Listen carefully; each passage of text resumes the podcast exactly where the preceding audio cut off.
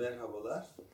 Sen filmini biraz önce izledik. Ee, şimdi de yönetmen Ali Vatansever'le film hakkında konuşacağız. Küçük bir grup olduğumuz için daha böyle bir informal bir söyleşi e, tarzında yapalım dedik.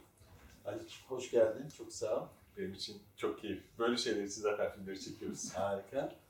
Ee, şöyle yapalım, istersen önce sen biraz kendinden bahset. Tamamdır. Bahsedeyim. Ee, ben, e, nereden başlasam? Ee, ben e, öncelikle üniversitede tasarım okudum. Ee, yani düşünüş modelim zaten biraz tasarım kokar zaten. Filmlerde bunu görürsünüz böyle çok yapısal bir hani film, e, en azından düşünüşüm öyle. Ee, daha sonra e, yüksek lisansta sinema okudum. Hem Bilgi Üniversitesi'nde hem e, yurt dışında işte Fulbright bursu almıştım. İşte bu sene 2005-2007 arası Amerika'da sinema okudum. Bunlar daha çok pratik e, yani eğitim. E, 2008 yılında döndüğüm zaman e, ondan sonra sektörde işler yapmaya başladık. Hem video işleri yapmaya başladık ama e, amacımız sinema filmleri yapmaktı. İlk filmimizi 2012 yılında yaptık. Elias adlı film. Daha çok e, daha nasıl diyeyim e, izleyici dostu dediğimiz, o zaman böyle izleyici dostu bir sinema vardı. E, e, en azından hani hem e, ticareten doğru hem de e, izleyici dostu hem işte sanatsal olarak doğru bir işti. E, tatlı bir e, kasaba hikayesiydi. E, 2012'de onunla başladık yolculuğa. Ama Hatırı sayılır bir e, ilgi oldu filme. E, ondan sonra da bu film üzerine çalışmaya başladık. Arada yine bir Sabahattin Ali filmi, yani maceram vardı. Belki onu da bahsetmek için anlamlı bir yerdir burası. E, bir Sabahattin Ali filmi çekmeye e, çalıştık. Daha sonra bu filme geri döndüm ve m, 2012 yılında Yıldızlar sıralandı diyelim. Çünkü Türkiye'de özellikle bu yönde bir film yapmak için bir cidden Yıldızların sıralanması gerekiyor. E, 2017 Kasım ayında filmi gerçekleştirdik. E, 2018 Eylül ayında film işte Toronto'da dünya premierini yaptı. Ardından da yoğun bir festival yolculuğu oldu. Yurt dışı, yurt içi işte çeşitli ödüller vesaire. E, bu benim film tarafındaki maceram, öyle diyelim. Onun dışında ben e, Koç Üniversitesi'nde e, Medya ve Görsel Sanatlar bölümünde film dersleri veriyorum.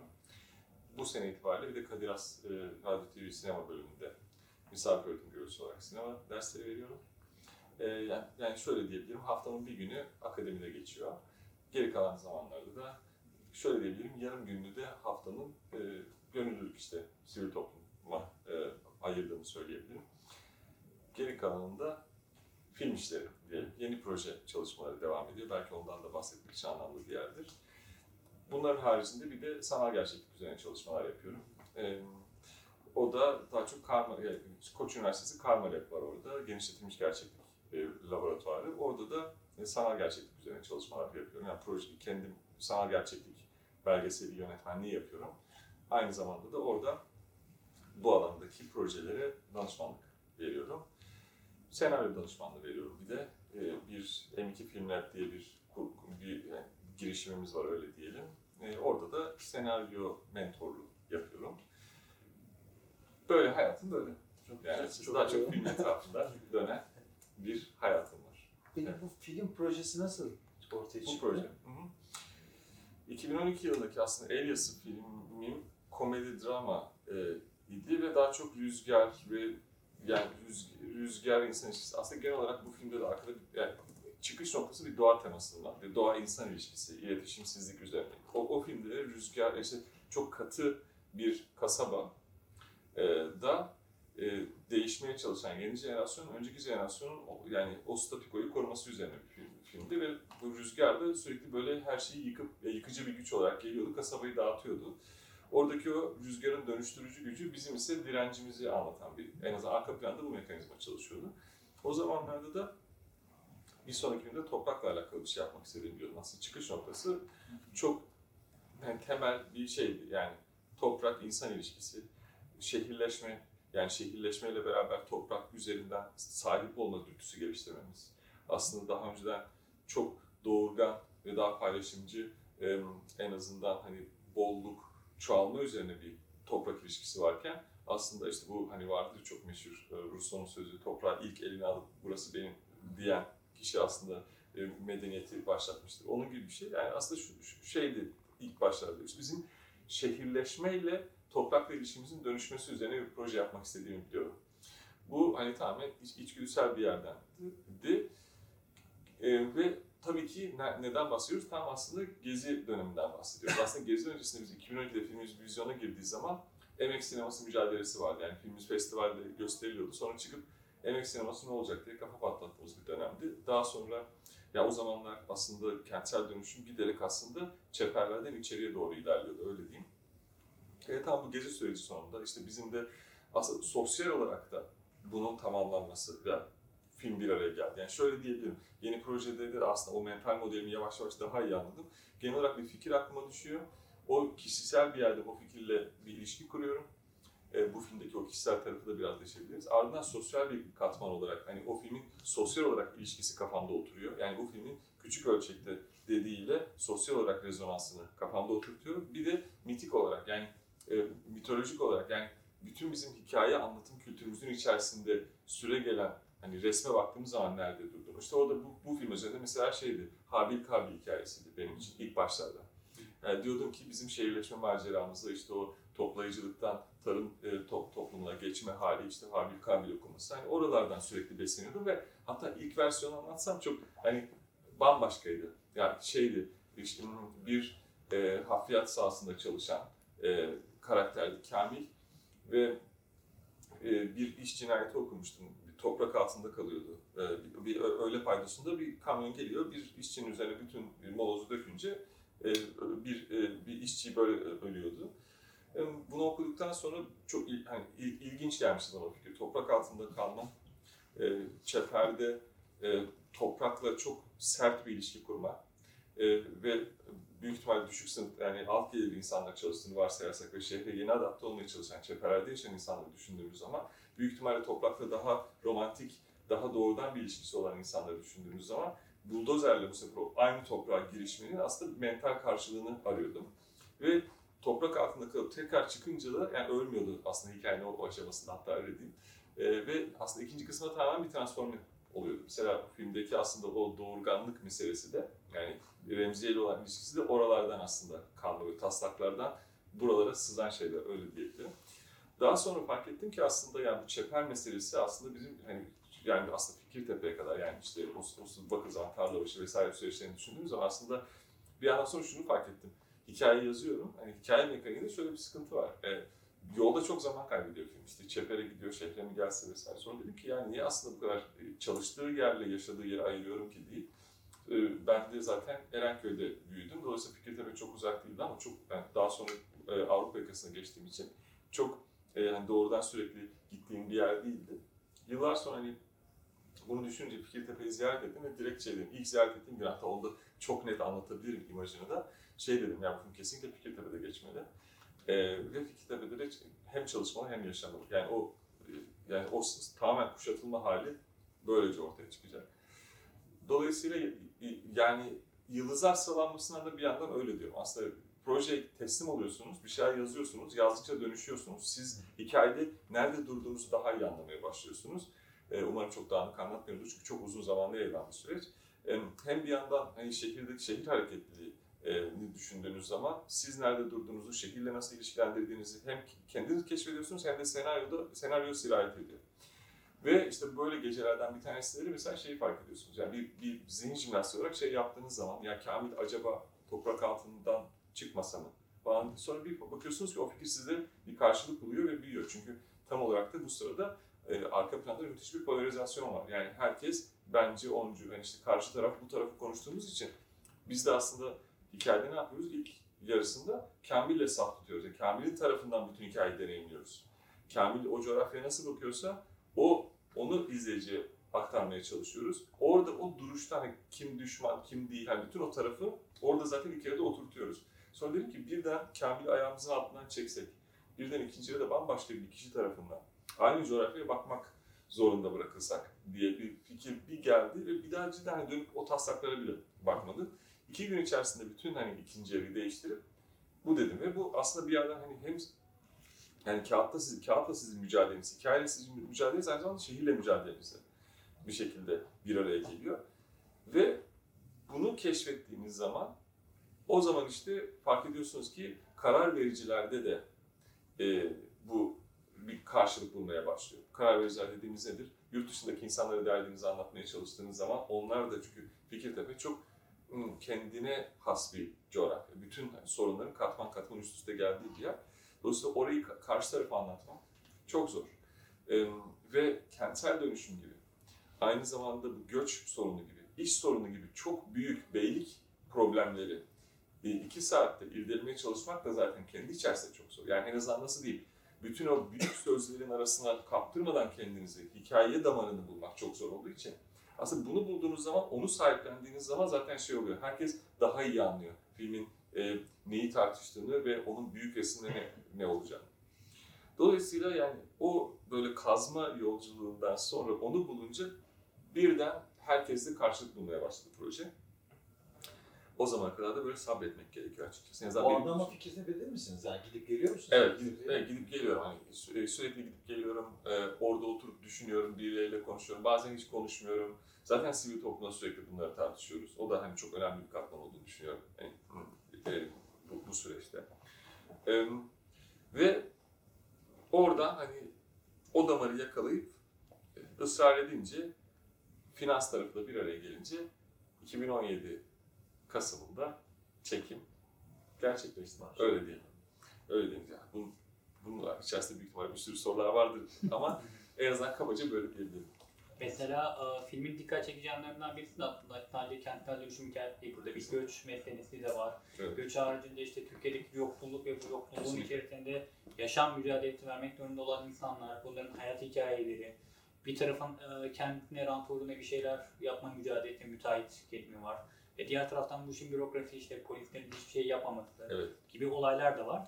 Evet. Mesela benim e, burada dikkatimi çeken şey bunların hepsinin e, bir yumak halinde bir Evet. araya gelmesi ve tek bir hikaye üzerinden, Süper. iki karakter üzerinden işte ilk yarısında e, şey e, hikayesi. Kamil'in hikayesi, ikinci bölümde Rabbi Evet. hikayesinde farklı perspektifler e, içerisinde bir araya gelmesi. Peki bu hikayeler birleşirken Evet. neler yaşandı? Nasıl bir süreç Çok gelişti? çok anlamlı. Bir kere önceki şu- şunu şunu yani genel olarak işte sinema sonuçta 90 dakika, 2, 2 saat bir e, en azından bir izlence. Dolayısıyla bütün hayatı bir şekilde sadeleştirerek anlatmamız gerekiyor ya.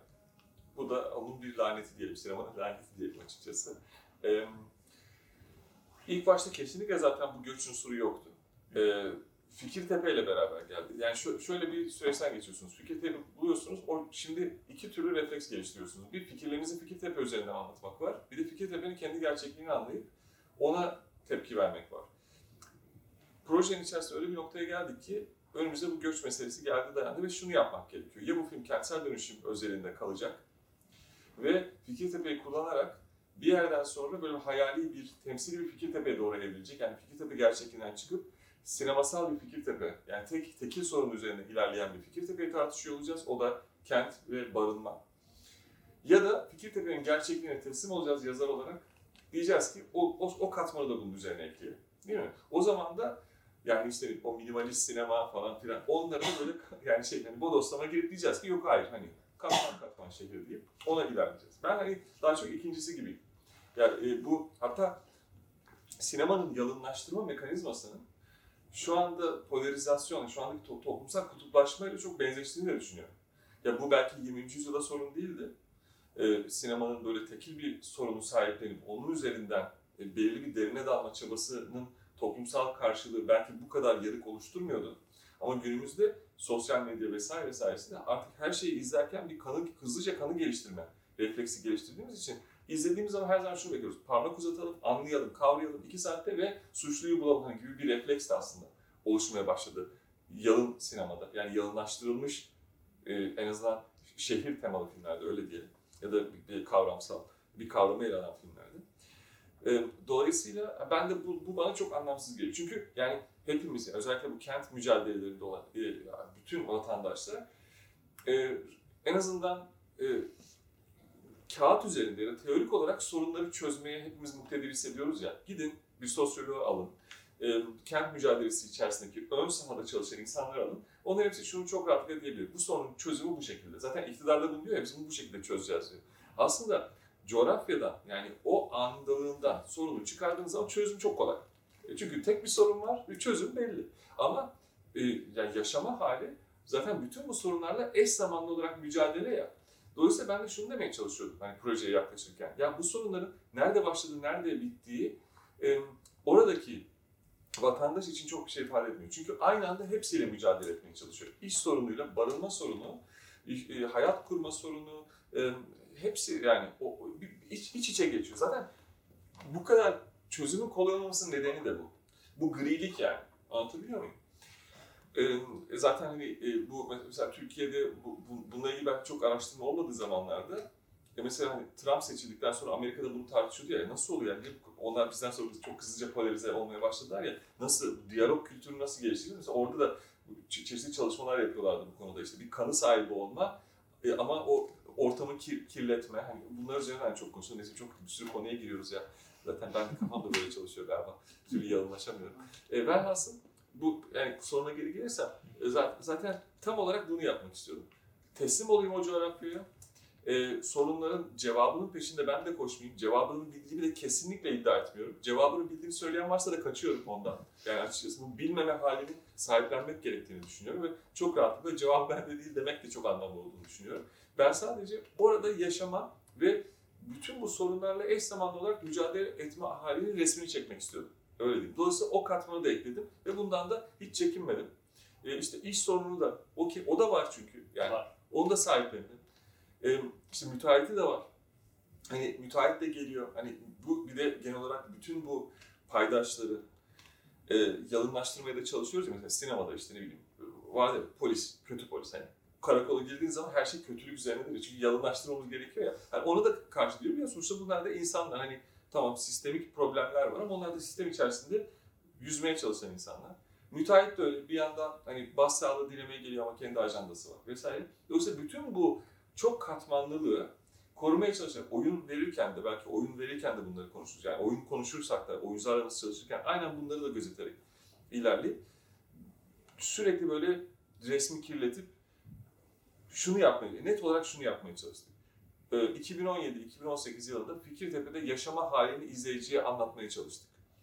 Ee, evet, refleks böyleydi. Dolayısıyla bütün bu katmanlar var açıkçası. Hepsini de sahipleniyorum. Hiçbirinin cevabı bende değil. Hiçbiri de hani şey yani net bir şeyin altını çizme gayesinde de değil. Yani tabii ki konuşabiliriz şey değil. Sonuçta bir sürü karar veriliyor arka planda.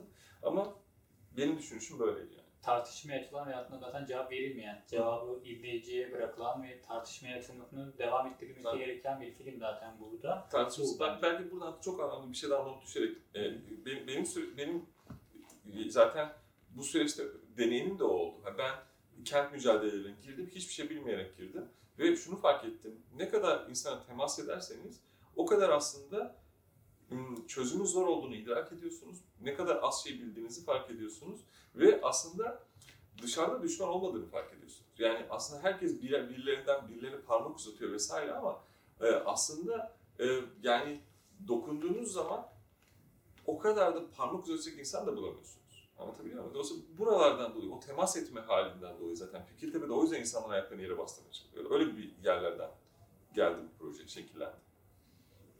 Benim hatta şuradan da devam edebilir diye düşünüyorum. Yani ben aynı zamanda bu filmi bir toplumsal parçalanma filmi olarak da görüyorum. Bir işte dışarıdan baktığımızda işte Fikirtepe'liler şöyledir, toplum böyledir gibi e, genellemeler ve tarih çok fazla yaygın. Ancak bu filmi de aslında e, toplumun da kendi içerisinde çok farklı öbeklerden e, meydana geldiğini ve herkesin kendi hikayesi içerisinde var olmak için farklı şeyler yaptığını da gösteriyor. Burada işte Kamil karakterinin bir iş arama serüveni var, bulma ve hayatını kaybetme serüveni var. Öte taraftan Ammar karakteri işte kolu kırılmış, işsiz kalmış, hayata tutunmaya mücadele ediyor. Toplumun işte o göç sorununu, o Suriyelilerin Türkiye'de yaşadıklarını anlatıyor. Öte taraftan bakıyorsun müteahhitin derdi, kendi ajandası, kendi yapmak dedikleri şeyler var. Diğer tarafta polislere bakıyorsun işte amirine yaranmaya çalışılan bir yandan da işini yapmaya, durumu idare etmeye çalışan polisler var. Bu anlamda işte toplumun hemen hemen her kesiminden farklı karakterler var ve hepsi kendi hayatına, kendi işlerine odaklanmış durumda. Mesela bu e, sağ filmi üzerinden bu toplumun parçalanmışlığına ve belki de bir araya gelemeyişine dair neler söylenebilir?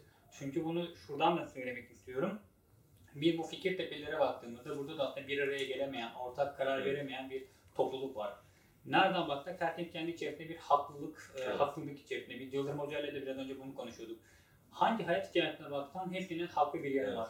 Ammar'ın da haklı gerekçeleri var. E, Kamil'in de var. Remziye'nin de var. İşte Romanyolu Ivona'nın da haklı gerekçeleri var. Burcu'nun da var. Yani kimseye doğrudan haklı veya kimseye doğrudan iyi, kötü, siyah beyaz diyemiyorum. Da bu toplumsal parçalanmaya dair neler söylerim. Evet. Ee, çok güzel söyledin ya. Ee, filmin temel refleksi de zaten Kamil'in bedenine girip oradan çıkıp başka birisinin bedenine girip tekrar bakmak ya. Çünkü tam olarak izleyici olarak hızlıca bunu yapıyoruz. Hemen bir kanı geliştiriyoruz. Kamil yönetmen seçmiş onu kahraman. Onu kahraman olarak belirliyoruz. Onun tarafından bakıyoruz. Ama sonra e, ikinci yarıda başka bir bedene girince aslında tam olarak bunu sorguluyoruz zaten. Ben öbür karakterin gözünden e, Remzi'yi belki fırsatçı, çıkarcı olarak konumlandırıyordum. Ama ve de belki hani filmin zaten açtığı bir saf başlığı var yani saf başlığından dolayı belki Kamil'i safhane bir yerden okuyorduk. Ama şimdi ikinci yarıda bakıyorum ki aslında Remzi'ye de hani safhane bir refleks gösteriyor. Yani o da kendince haklı. O da aslında benim ona yaftaladığım şeylerden, yani o toplumsal gereksin işte parçalanmış birbirimize dokunmama hali dediğin şeylerden. Aslında film iki karakter üzerinden, bir çekirdek aile üzerinden zaten bunu tartışıyor. Ve bu e, na teslim olan izleyici için bu kolay değil yani çünkü e, çok tabii bunu savaşı burada kolay anlatıyorum ama savaşını verdik yani çok az örnek var filmin ortasında baş karakter değiştirir. Hiç sevdiğimiz bir şey değil bu e, izleyici refleksi olarak. Ama bunun çok büyük savaşını verdik tabii ki bütün o karar vericilere karşı. Bu film bu. Bu filmin hani her şeyini değiştiririm ama bunu değiştirmem dediğimiz nokta oydu. Yani her şeyi değiştirmekten kastım şu. Bir sürü senaryo atölyesine gidip değiştirme şey, geliştirme platformlarına gidiyorsunuz. Yani çok kompleks bir geliştirme süreci var. Çünkü hiçbir zaman yalnız değilsiniz. Ondan dolayı diyorum. Dolayısıyla alameti farikası, farikası buydu bu projenin. Benim de bu projede olma nedenim de buydu. Hatta Saadet'i seçme nedenim de buydu. Yani şöyle söyleyeyim. Saadet'le ilk ben aklıma ilk Saadet yoktu açıkçası projede Remzi karakter olarak. Saadet'le buluştum ve Saadet şunu dedi bana. Ali dedi, okumaya başladım senaryoyu ve yine dedi Türkiye'de, Türkiye sinemasında erkek karakter üzerinden betimlenen bir kadın karakter okuduğumu anladım dedi. Okumaya devam, devam ettim dedi. Ortasını geçtim dedi. İkinci yarıda kendimden utandım dedi. Şey demedi. Hani e, de, şey deme, aa çok değişti, çok heyecanlandım, bak daha fazla karakterin çıktı demedi. Kendinden utandığını söyle. Öyle yani kendi ya, ön yargısından dolayı. Şimdi zaten filmde tam olarak bunu anlatıyor tamam dedim o zaman. Yani biz Saadet'le çalışırız dedim. Anlatabiliyor muyum? Zaten bütün oyunu da bunun üzerinden kurdum zaten. Anlatabiliyor muyum? Tam olarak yapmaya çalışıyorum. Bunu izleyiciye geçirdiysem ben, o dediğiniz gibi polise de aynı şekilde bir bakma refleksi geliştirebildiysek, e, Ammar'a da aynı şekilde bir refleks geliştirebildiysek film zaten tartışmaya açtığı şey bu. Zaten filmin ilk sahnesiyle son sahnesindeki o yapı da oydu zaten. E, biz kimi izlediğimizi bilmiyoruz. İlk sahnede aradan Kamil kavga içerisinde kameraya doğru geliyor. Kamera ona yapışıyor ve onu bırakmıyor. Sonra birden filmin ortasında hızla imajdan çekildiği için kamerayla arasındaki manyet kopuyor, manyet manyetizma kopuyor ve bu sefer Remzi'ye yapışıyoruz. Filmin sonunda Remzi geliyor, köşeyi dönüyor ve kalabalığın içerisine gidiyor. Zaten yapmak istediğim şey oldu. Filmde aslında Remzi çok steril ya, hiçbir zaman sorunlara girmiyor o yüzden çok net. E biz atarız, onu yaparız demesi çok kolay çünkü vakfetmiş yani. Demiş ki Kamil sen bu işi yap. E, Kamil de yani Fatih gibi zeytinyağlı bir karakter olmadığı için o da şey yapamıyor. Hani herkesi hani hiç kimseyi kırmama refleksi gösterdiği için oradaki o temiz kalma halinden dolayı, kirlenmemekten dolayı şey oluyor. Hani Bertan yani sıkışıyor yani yüklenmeye başlıyor. Ama ikinci yarıda ise Remzi'ye tam bırakmak istediğim nokta da oydu zaten. Hani cevabını bilmiyorum. Kentsel dönüşüm mesela Umucu kent mücadelesi nereye hiçbir fikrim yok. Ee, ama ve lakin or, orada olması gerekiyor Remziye'nin. Yani onu biliyordum. Yani orada insanların birbirine dokunarak kapsayıcı bir şekilde karar vermesi gerekiyor. Dolayısıyla ben de sadece oraya bırakmak istiyorum. Yapısal olarak bunu yapmaya çalışıyorum. O birbirine dokunma haline bırakmak istiyorum.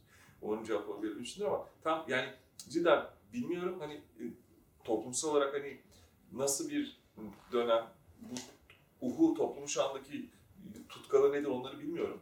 Ama ve lakin en azından e, burada da ve dokunmaya e, en azından bir altını çizmek isteyerek bıraktım filmi diyebilirim. Yani şey de güzel böyle kişiler mesela doğru veya yanlış gibi bir şeyleri yok. Bir şeyler yaparım diyor. Diğerleri zorluyor. Biraz böyle farklı davranmasını istiyor. Değil mi mesela? Başkasını kötülüğü için. O tekrardan sorguluyor. Yani o gitgeller de önemli. Mesela Remzi'ye işte gerçekten saklayabilirdi o yüzüğü. Evet. Ee, ve hikaye bambaşka bir şey Kesinlikle. elinde. Kesinlikle. Ama yapmadı. Ve yaptıktan sonra Vazgeçti. geri yerine koydu. Aynen öyle. Evet. Tam işte şimdi ve hani şeydi aslında yani e, o, o sahnelerin yeri de çok önemli. E, şöyle değil, yani ilk başta yapıyor.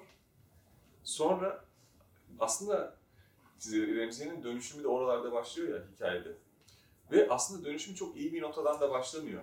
Acaba sonuçta eşim kayboldu. Acaba cezalandırılıyor muyum ben? Gibi aslında yine çıkarcı bir eğer okursak bunu çıkarcı bir yerden onu geri koyuyor da olabilir. Yani pardon e, şey yapıyor olabilir, vazgeçiyor olabilir bu davranıştan. Ama şöyle bir şey oldu ya yani kocasının hakkında bir şeyler sorduktan sonra şey değişti. Yani, Aynen. evet. Aynen. Aynen. Ama oradan sonra yine Evet. ya şöyle diyelim. E, ya aslında e, ya mesela şey oluyor şimdi bir yerde mesela gidiyoruz şeye, söyleşiye. Bir izleyici kalkıyor diyor ki ne kadar saf bir adamdı işte Kamil. İşte bak diyor, iniyor birisinin lastiğini değiştiriyor, onu yapıyor, bunu yapıyor. Ben dedim ki ya dedim e, sizce niye indi orada? E, yani sizce Kamil bunu yapınca para al, alacağını bilmiyor muydu? E, almak istemiş olamaz mı? E, ve ben şunu demek istiyorum. Aslında o sizin iyi, izleyici oluyor. O sizin iyiliğiniz. Yani siz öyle düşünmek istediğiniz için öyle. Öyle bir o karakteri öyle görmek istediğiniz için. Ya da ben Öyle. bilmezdim diye düşünüyorum. Evet, aynen öyle. Aynen öyle. Ama oyuncuyla mesela nasıl çalıştık onu anlatayım. Şimdi tam tersi şöyle. Kamil'i bulmakta da inanılmaz zorlandık. E, oyuncu geldi. E, okudu, okudu işte Erol. Çok severim Erol'u. Yani o filmle tanıştık tabii ki. Dedi ki "Ya, çok sevdim. Ne kadar iyi bir karakter vesaire. Ben iyi mi dedi. Mesela sahne örnek ver. Anlattı. Dedim ki acaba o sahnede böyle olmuş olabilir mi? Başka sahne. Acaba o sahnede böyle olmuş olabilir mi? Sonra böyle gitti yani. Ve öyle bir çöktük ki ona ve bütün oyunu da oradan kurduk ve o özellikle o minibüs sahnesinde çok iyi hatırlıyorum şöyle dedim. Bir oyun alıyoruz. Nasıl, ben genelde hisler üzerinden konuşuyorum oyuncular. Dedim ki ne hissettin dedim o oyuncuya. Ya yardım etmek istiyorum ona dedi. O yüzden mesela böyle yaptım dedi. Acaba para almak için yapmış olamaz mısın dedim. Bakayım dedi, öyle yapayım dedi ve oyun şuraya doğru evrildi. İstemiyorum diyor ama istemeyince Evet. geri çıkarsınız ya ama istemiyorum deyip üzerine doğru gidiyor. Yani oradaki o tam karışık sinyal. Yani zaten filmi de bu, burada tutmaya çalıştık anlatabiliyor muyum? Acaba isti, yani iyilikten mi yapıyor yoksa düşün, düşünceli iyi mi? Hani nasıl nasıl diyelim? Mesela karakterleri de o şekilde dengelemeye çalışıyorduk. Ee, aslında Kamil hep geç reaksiyon veriyor ya, hep bir düşünüyor sonra reaksiyon Remzi tam tersi yapıyor sonra sonuçlarıyla katlanıyor. Zaten aslında ve o düşünceli halini ben Kamil söylüyorum. Ne düşündün burada? Aklından ne geçti? Niye bunu böyle davranıyorsun? Ve o düşünceli iyilik, yani iyi olmayı tercih etme e, haliyle e, o refleksi gösterme üzerinden zaten o- oyunu kuruyor ve bütün filmde zaten o şekilde kurduk. Yani en sonunda mesela bu minibüs sahnesinin karşılığı da o anahtarı vermesiydi. Yani ve e, anahtarı niye veriyor olabilir sorusu. Yani mesela, işe almak için anahtarı veriyor? Hı hı. anahtarı yerini gösterirse yol arasından çıkacak ama bir yandan da iyilikten mi yapıyor? Ve tam olarak burada ben hani bunu böyle askıda bırakmaya göre filmi de e, kurguladık. Kurguda ona göre kararları da verdik. Ve o yüzden hani aslında bu kendi iyiliğimizden mi falan hani öyle şeyleri tartıştık. Neyse. Çok uzattım. Bir de böyle bazı nesneler var. Birinden birine geçiyor işte. Kaşıklar o için iyi bir şey. Evet. Ceket gene mesela benim dikkatimi çok çekti. Kesinlikle. Kesinlikle. Ben işte bunu mesela şeyde e, e, senaryo çalışırken de öğrenci arkadaşlarla hep bunun üzerinden örnek vermeye çalışıyorum. Kendim de genel olarak böyle düşünmeye çalışıyorum. Hani bir çift e, ben seni seviyorum, sen beni sevmiyorsun gibi tartışmak yerine aslında çatal bıçak üzerinden tartışır. Yani sürekli bu örneği veriyorum. Yani o çatal niye, niye böyle koydun falan. Genel olarak aslında bir de herhalde tasarım okuduğum için böyle objelerle garip bir yani ya, ob- objelere garip anlamlar yüklüyorum. O anlam dönüşüyor, o başka türlü yaklaşıyor. E, hani büyük ihtimalle o yüzden bu kadar çok objeli olduğunu düşünüyorum. E, onlar aslında benim için hani e, yani bir şey bir şeyleri yani insanlarla ilişkimizde bir şeyleri de temsil ediyorlar. İşte o ceketin giyilmesi, onun kirlenmesi, onun kirlenmeyi sallamaması ama işini sallaması, onun geri dönüşünü düşünmesi falan. Bilmiyorum çok kompleks düşünüyorum galiba yani. O yüzden bazen diyorum ki "Ulan acaba sinema yanlış bir şey mi, medium mu benim için falan diyorum yani böyle. Çünkü özellikle Türkiye coğrafyasında bir de çok bambaşka bir sinema olduğu için hani e, acaba diyorum biz yanlış mı yapıyoruz falan. Böyle sürekli kayboluyor. Yeni filmde ulan diyorum niye bir sadeleştiremiyorum şu filmi falan. Neyse böyle O mesela çatal kaşıkların işte tartışma konusu olması, daha sonra işte Randy'nin o inşaatta bir çatal bulması. Bütün hikayenin bence orada kırılma noktalarından birisi. Evet. Randy her şeyi orada anlıyor. O çatalı Evet. bulduğunda mesela ve o yer değiştiren imgelerin sürekli bir yerlerden karşımıza çıkması bence çok çarpıcı. Aynı şekilde Evet. Filmin başında bir tane vardı işte e, Kamil e, radyodan Kur'an dinletiyor. Evet. Bitkiler daha büyüyerek diye. Randy'ye ne kadar saçma olduğunu söylüyor ama Evet. filmin sonuna vardığında artık Randy'ye de o Evet. Kur'an'ı açarak Evet. hani tekrar aslında o kayıp imgeyi devam ettiriyor. Evet, evet. Bu başka bir konu. Bir de benim e, mesela Kamil karakteri üzerine çok konuşulacak şey var aslında. Kamil e, o yolculuğu çok önemli. Çünkü mesela filmin başında gördüğümüz Kamil aslında çok saf saflığa daha yakın en azından Evet. dışarıdan baktığımda ve filme de zaten filmin adıyla başladığımız için böyle Evet. düşünmeye de biraz yöneliyoruz Ne aslında. yazık ki ya, evet. evet. E, ancak e, işte 45. dakikalar, 40. dakikalara geldiğimde Kamil Birisini öldürmeye yelteniyor. yelteniyor yani doğrudan buna hamle yapıyor. Ölen kendisi oluyor. Burada Evet. bir e, hamle var. Onu ve- bile beceremiyor ya. Evet onu bile beceremiyor. Hiçbir şeyi beceremediği gibi. Ne iyi olmayı ne kötü olmayı. Evet, evet. Esprisini yapıyor. Onu bile yapamadım. Bir de o sahneyi böyle bayağı uğraştık falan. 5 saniye ekran süresi var ya. 5 saniye. Abi bu kadar mı kolay falan. Oyuncu. Bir de o yüzden şey olduğu için hani ya abi beni 45 dakikadan az kesmeyeceksin de falan. Değil. Hatta şey, hatta bakın şu tartışma çok önemli. Mesela sizler için çok anlamlı olduğunu düşünüyorum mesela bu. Şimdi Erol'la çektik bu sahneyi. Bir gün geldi inanılmaz heyecanlı. Dedi ki Ali dedi. Süper bir fikrim vardı. O sahneyi filme koyma dedi. Ve tabii ama işte- çakal çünkü şimdi neden? Çünkü ben de ona dedim ki e, hayır dedim. Olacak çünkü filmin ikinci yarısı o zaman Kamil'in hayaletiyle alakalı olacak. Yani Kamil'in öl, öl, öldüğü bilgisini filmden alırsanız ikinci yarı da Kamil'le alakalı olacak. Çakal oradan. Bunu yayınlayacak bilmiyorum ama çok da seviyorum onu da yaparım espriyi de. şey, e, ben dedim ki ikinci yarı Kamil'le alakalı değil. Biz bileceğiz izleyici olarak ve Remzi'yi o şekilde izleyeceğiz. Hani yani burada şey bir dedektiflik hikayesini hani şey yapmıyoruz hani sonucunu biliyoruz. Biz Remzi ile ilişkiyi oradan kuracağız. Dolayısıyla o sahnenin özel olarak ekranda olmasını e, istiyorum yani. E, öyle diyebilirim. Kusura bakma araya. Yok estağfurullah çok iyi oldu bu anekdot. E mesela Kamil'in dönüşümü nasıl olduğu senaryo çalışırken hani Kamil mesela stabil kalmıyor. Hep bir dö- dönüşüm halinde ve bu dönüşüm aslında Kamil'in çok da içinden gelmiyor. Hep bir e, toplum baskısı Evet. var, aile içerisinde gördüğü belki bir şiddet, bir e, mobbing var. Çünkü Remzi'ye de bir şeyler için mücadele etme derdinde ve Kamil'in bu hiçbir şeyi doğrudan tek başına kendi kararıyla yapmaması bence burada çok etkili. Hı. Öbür taraftan işte için kentsel dönüşüm e, boyutunda işte mahalledeki Rıza karakteri var. Fatih'in yönlendirmeleri var. Yani herkes bir şekilde e, bu Kamil karakteri üzerinde bir söz hakkına sahip bir şeyler söylüyor ve onu yönlendiriyor. Peki Kamil'in e, dönüşümünde Dönüşüm. mesela çevrenin, toplumun e, etkisi Kesinlikle. nasıldır? Kesinlikle. Bu yani se- burada hani senaryo mekanik konuşmak için anlamlı bir yer olduğundan dolayı yani buna biraz e, girmek isterim detaylıca. Yani şimdi öncelikle Kamil'i biz tamamen safhane bir yerden alıp oraya taşımayı bu filmde başaramayız. 45 dakika ekran süresi olan bir yer, hadi 50 dakika diyelim. 50 dakikada zaten şeyi biliyorum ben. Yani senaryodan bakalım. O zamanlar bir saat, yani bir saatte 60 sayfaydı. 60 60 120. Ee, bir saatte ben bunu yapamayacağımı biliyordum. Bazı izleyici özellikle saf diye başlık attığımız zaman karakteri safhane bir alıp oraya nasıl taşır, ikna olmayacağını biliyordum. Ve ben hiçbir zaman da şey demedim, ya bu karakter çok safhane başlıyor demedim. Zaten o yüzden ilk sahneye mesela baktığımız zaman ne oluyor? Yardımcı olmaya çalışıyor içgüdüsel olarak. Sonra bakıyor, ulan diyor ben şimdi burada işe girersem şimdiden mimlendim diyor. İşe başlamaktan bile vazgeçiyor. Aslında kafasında o andan itibaren tilkiler var. Yani hiçbir zaman zaten karakteri A'dan Z'ye taşımadık. O karakter sadece iyi olmaya çalışan bir karakter. Yani bu coğrafyada iyi olarak ayakta kalmış, iyi olmayı tercih ederek ve öyle bir yerden ilişkiyi geliştirerek ayakta kalmış bir karakterden bahsediyoruz. Ama bu coğrafyada hepimizin şu anda geçtiği şey o değil mi? Taraf seçmek zorunda değil miyiz? Taraf seçmek özellikle iyi, herkese iyi geçinmeye çalışan bir insan için büyük bir kabus.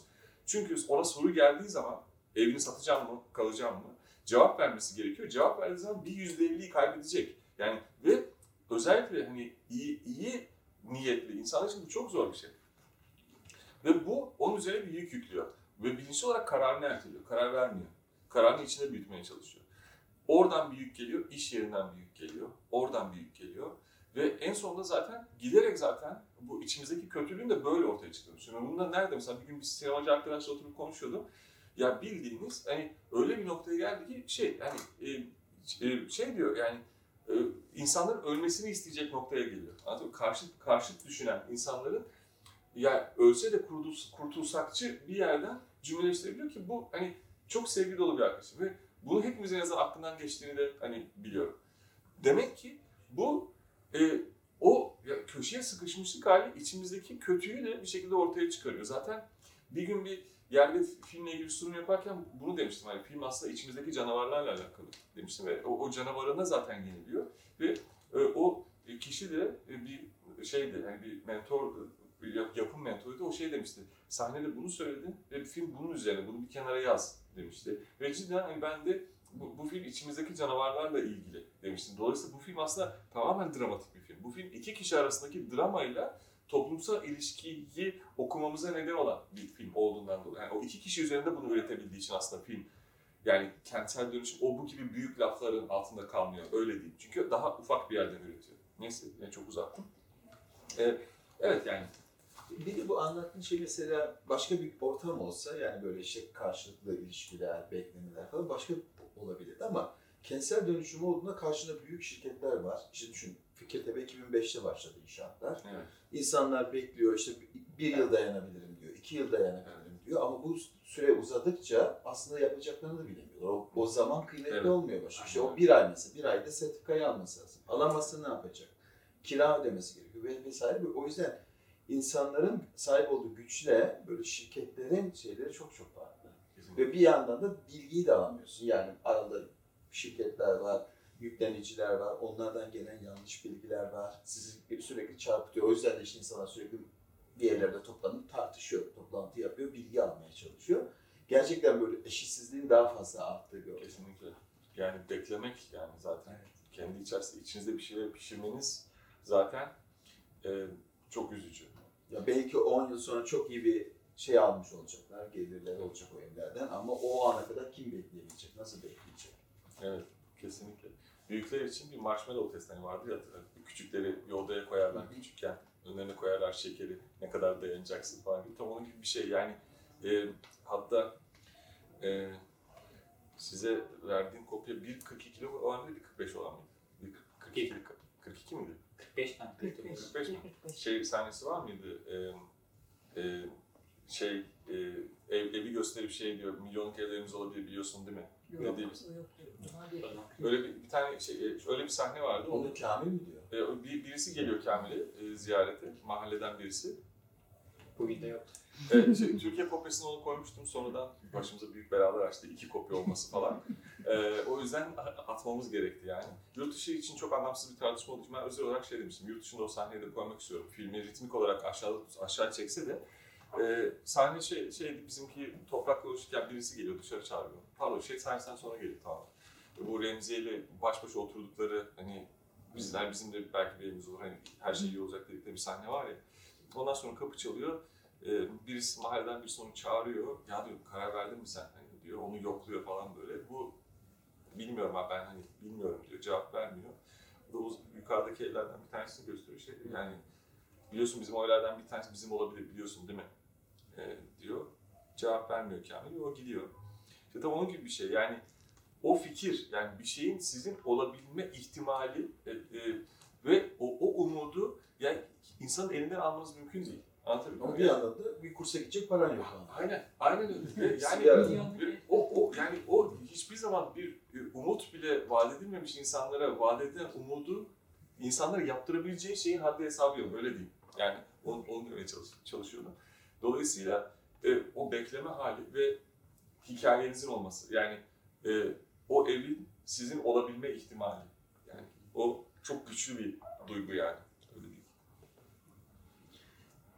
Küçük bir grubuz. Yani sizler de lütfen dahil olun. Bu arada Bir soru, bir de soru. Evet. Helal de amele pazarlar üzerine çalışıyor. Emek ve kent üzerine şey var. Nasıl buldun Ceren? Ben gayet güzel buldum. Yani o emek boyu tartışması, rekabet ortamına gayet güzel değinmişsiniz.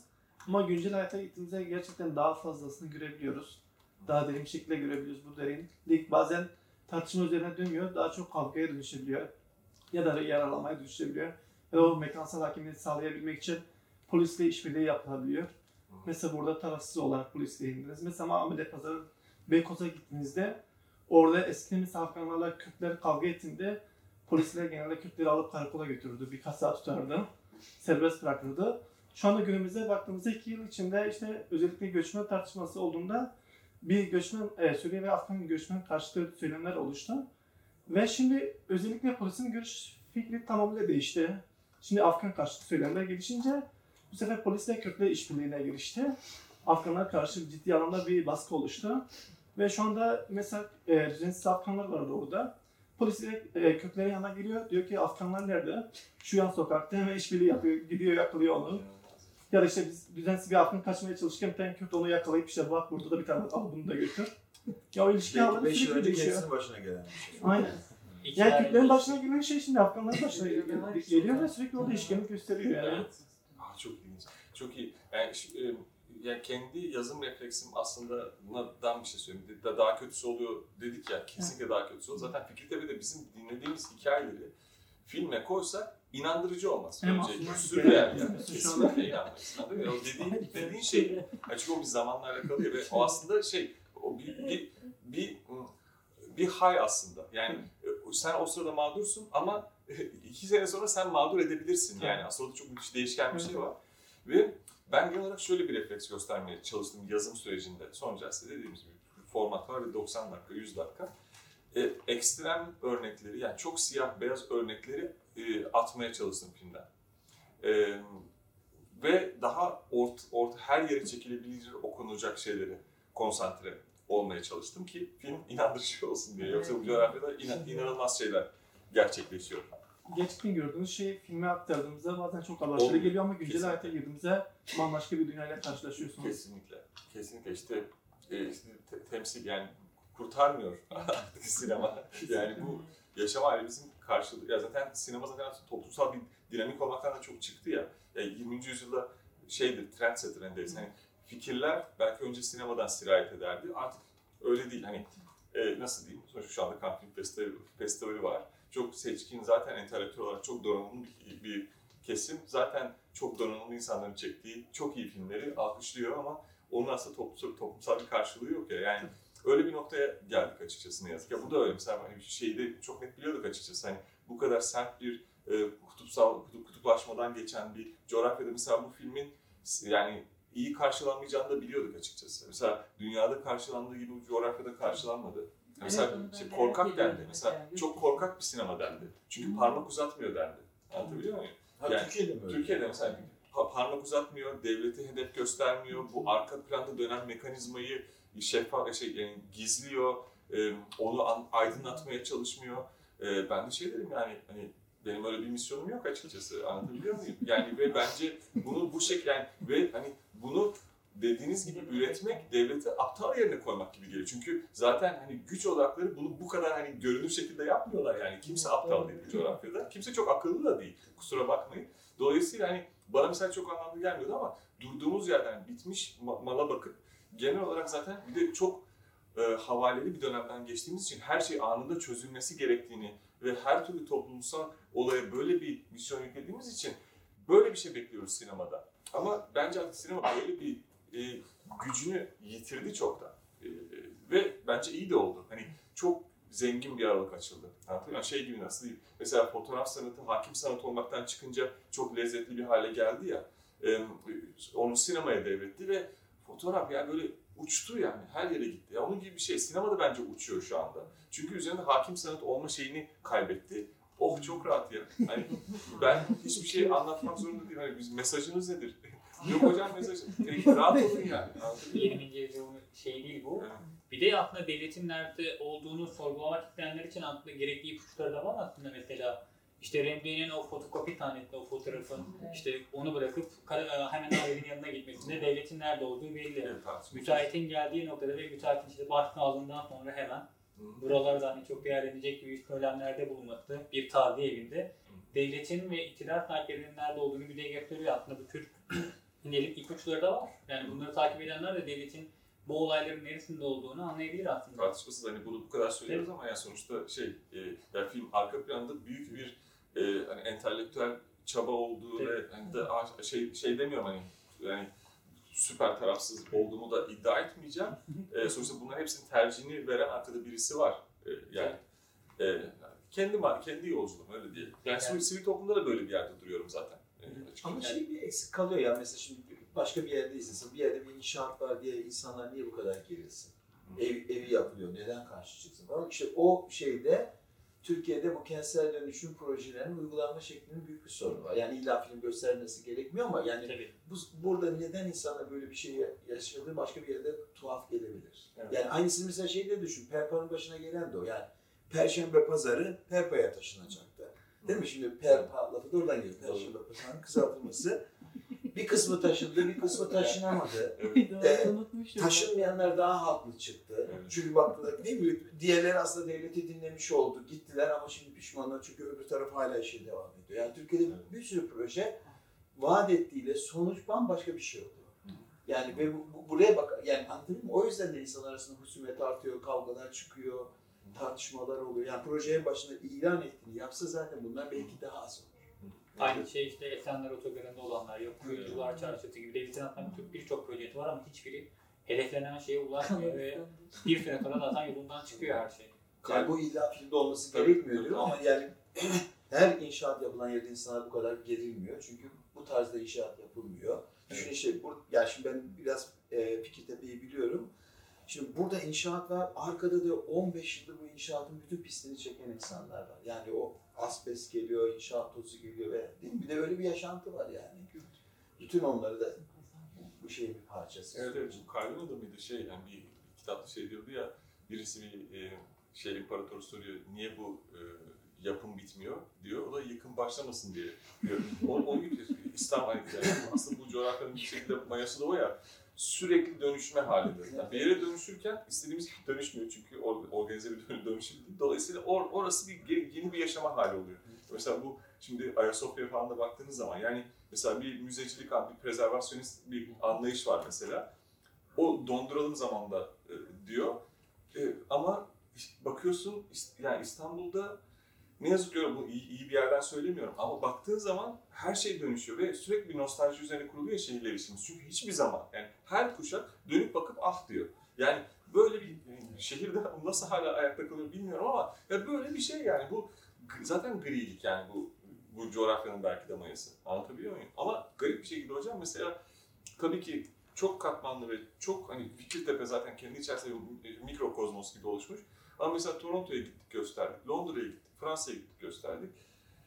Herkes diyor ki ya bizim arka sokağımızda oluyor diyor bu. Ya Toronto'ya gidiyorsun bizim arka sokağımızda, Londra'ya gidiyorsun arka sokağımızda oluyor diyor. Herkes bir şekilde arka sokağında olduğunu söylüyor. Söylüyorum bu olduğunu zaten. Evet, aynen ama herkes başka bir yerden. herkes başka bir yerden bir yerinden tutuyor. Hani bu şey meselesi var ya hani uçlarını törpülediğiniz zaman olayı grilere çektiğiniz zaman herkes şey eder. oluyor. Yani evet yani zaten filmin tekrar en başta yıldızların sıralanması dediğim şey böyle oldu. Çünkü ne yazık ki siz aslında yani yazar olarak yani ortaya bir işi koyuyorsunuz ve en hani pahalı sanat ne yazık ki bir sürü karar vericiniz orada bir şey görmesi gerekiyor. Ee, ki size destek, da size destek olsundan kastım şu, projeye yapımcı olarak ortak olsun ve kendi ülke fonlarına başvursun. Biz kendi ülkemizden fonumuzu alalım. Bunu verilmesin. En azından sizin o zamanki düşlerinizin hayata karşı sorduğunuz soruların büyük ölçekte bir karşılığı olması gerekiyor. Eğer ticari bir iş yapmıyorsanız tabii ki o zaman daha çok cevaplar üzerine ilerleyen bir, ilerleyen bir sinema oluyor.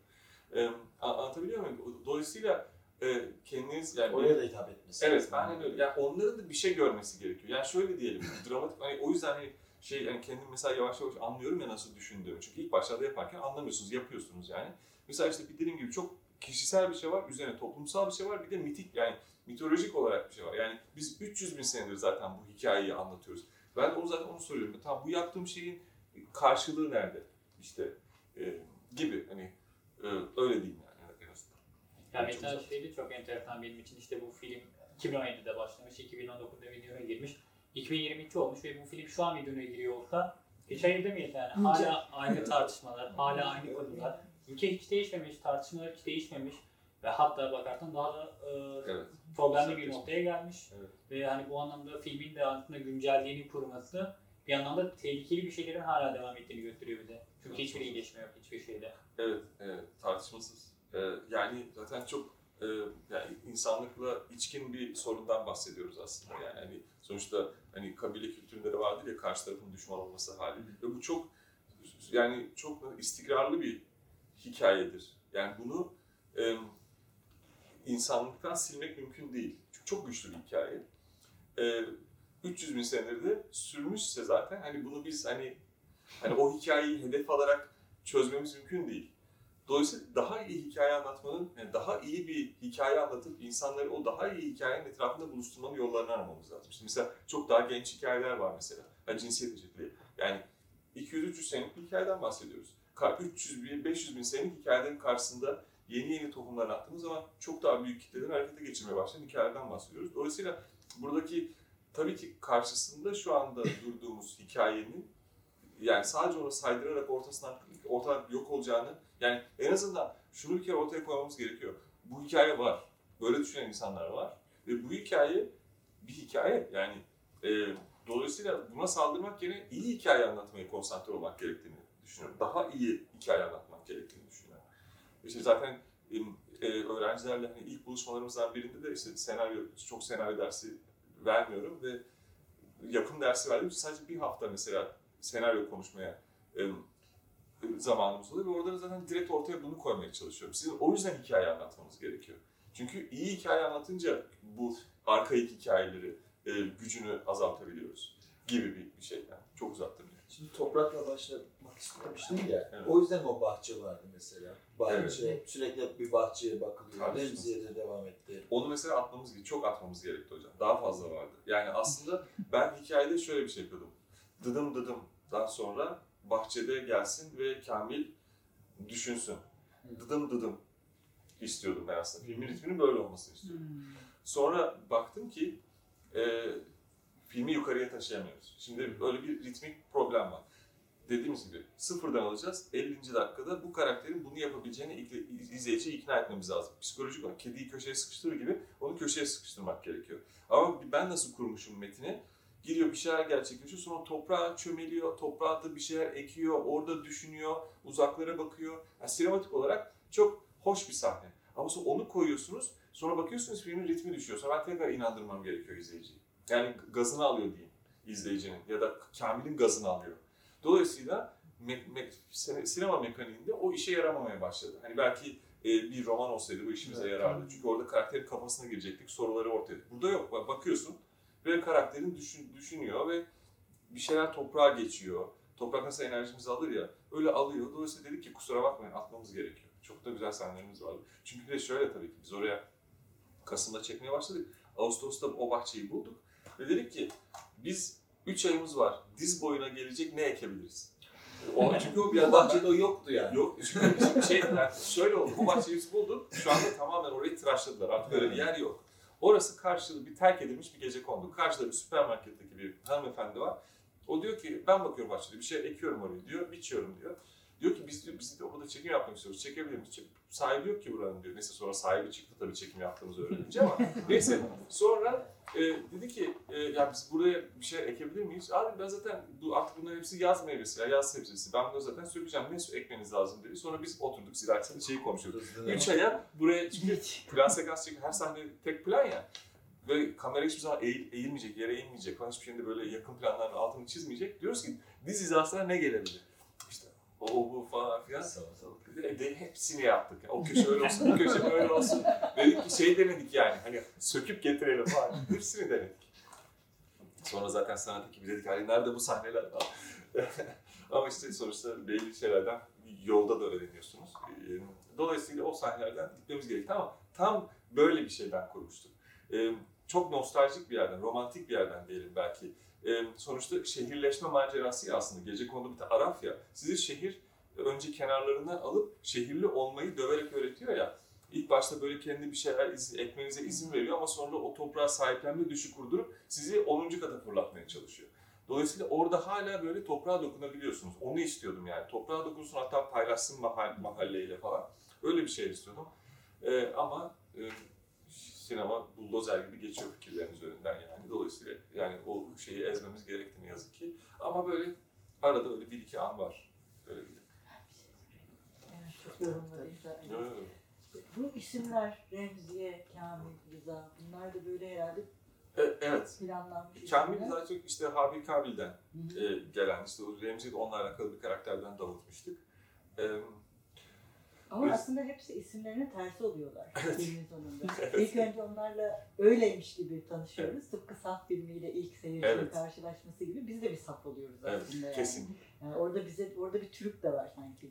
Sen bunu izliyorsun ama filmin sonunda böyle olmayacak ya da işte Kamil öyle olmayacak, Remziye öyle olmayacak.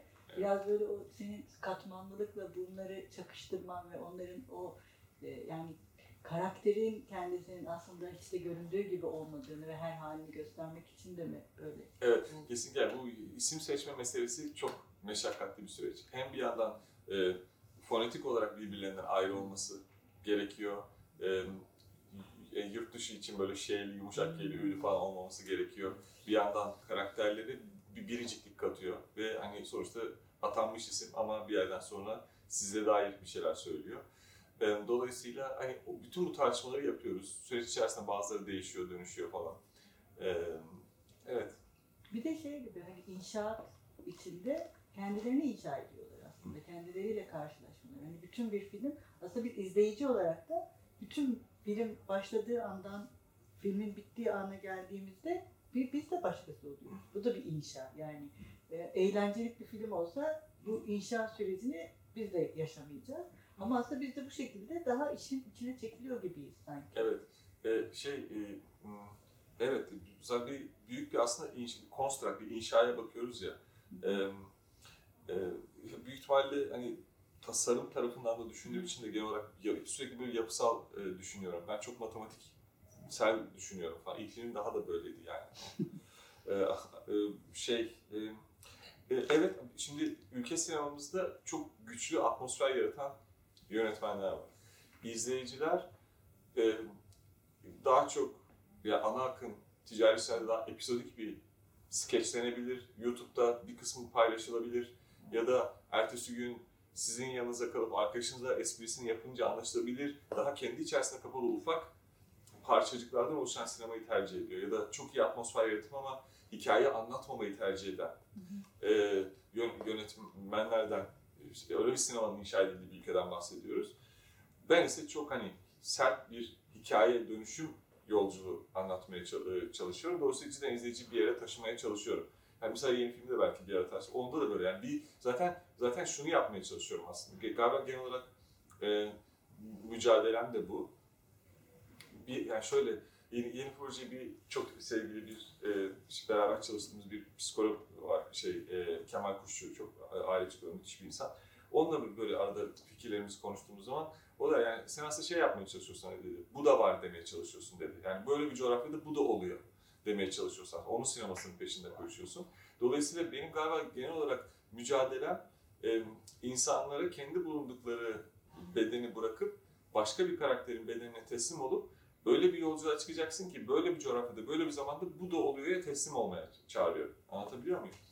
Ee, galiba sürekli kendime koyduğum engel de bu. Hmm. Sinemasal engel, aşmaya çalıştığım engel de bu. İyi başardığımda iddia etmeyeceğim. Sonuçta çoğu izleyici de Kamil'in bu 50 dakikadaki dönüşümüne inanmadı ve okey. Yani sizin Kamil'in dönüşümü nereden başladığınızla e, ilgili, yani, konu, yani nasıl kendinizi konumlandırdığınızla alakalı. Neyse. Ve. Kamil'in birden bire ortadan kaybolması da bununla ilgili bir şey. Aslında film bize orada bir şey diyor. Bu Evet. adam burada birdenbire gidiyor yani. Evet. Gitti. Bu da tam aslında bu senin tam da yapmak istediğin şeyin de e, Ve- bir şey metaforu gibi. Kesinlikle şey çok ilginç. Mesela şeyi görüyorsun. İnsanlar görse bile öldüğüne inanmıyorlar. öyle, öyle izle, izleyici davranışı da böyle bir şey. Yani çünkü o kadar alışmışız ki bir anda sürpriz gelecek falan filan diye. Yani ne yap, diyorlar ki gösterse miydik falan böyle öldüğünü. Yani inanmıyor izleyici. Ama Biraz şeyin de düşmesi komik de oldu. Doğru. Evet. çok, hani, çok böyle Sonra bir Çok sürpriz bekliyorsun hastanede. Hayır o beceriksiz. O Evet, bir beceriksiz olur. olarak ancak o şekilde olabilir öyle. değil mi? Ben bu düşüşle ilgili e, seyrettiğimden beri aklımda dönüp duran bir şey var. Onu paylaşmak istiyorum. E, 6,5 metre diye bir İran filmi seyrettik. ikinci kanalda. TRT 2'nin filmlerinde. Orada filmin başında bir inşaat alanında dealer bunlar. İran'daki zaten uyuşturucu sorunuyla filmmiş. E, kaçarken polisler inşaatın içine o böyle dozerler falan var. Onun içine çocuk, işte dealer çocuk düştü. Üzerine şeyler kapandı, topraklar ve bitti. Şimdi o şeyin düşüşünde de gece kim bunu bulacak diye oraya çok gittim o filme. Ve orada da aslında bu anonim Hmm. Anonimanın e, ölümüyle, varlığıyla hiçbir şey eşitlendiği bir acayip bir e, dünyaya geldim sizinkinde de ve yani bu kentsel dönüşümlere, ülkelerin fakirleşmesini ya da işte inşaata teslim olması, uyuşturucuya teslim olması böyle bir insanları Evet. yok eden, eriten bir şey diye düşündüm. Çok e, doğru. Yani onun o gece bir şekilde ortadan kaybolması Evet. e, Evet, ve doğru. çok Evet. güzel bir e, merkez Çok, teşekkür- çok teşekkür ederim. Abi.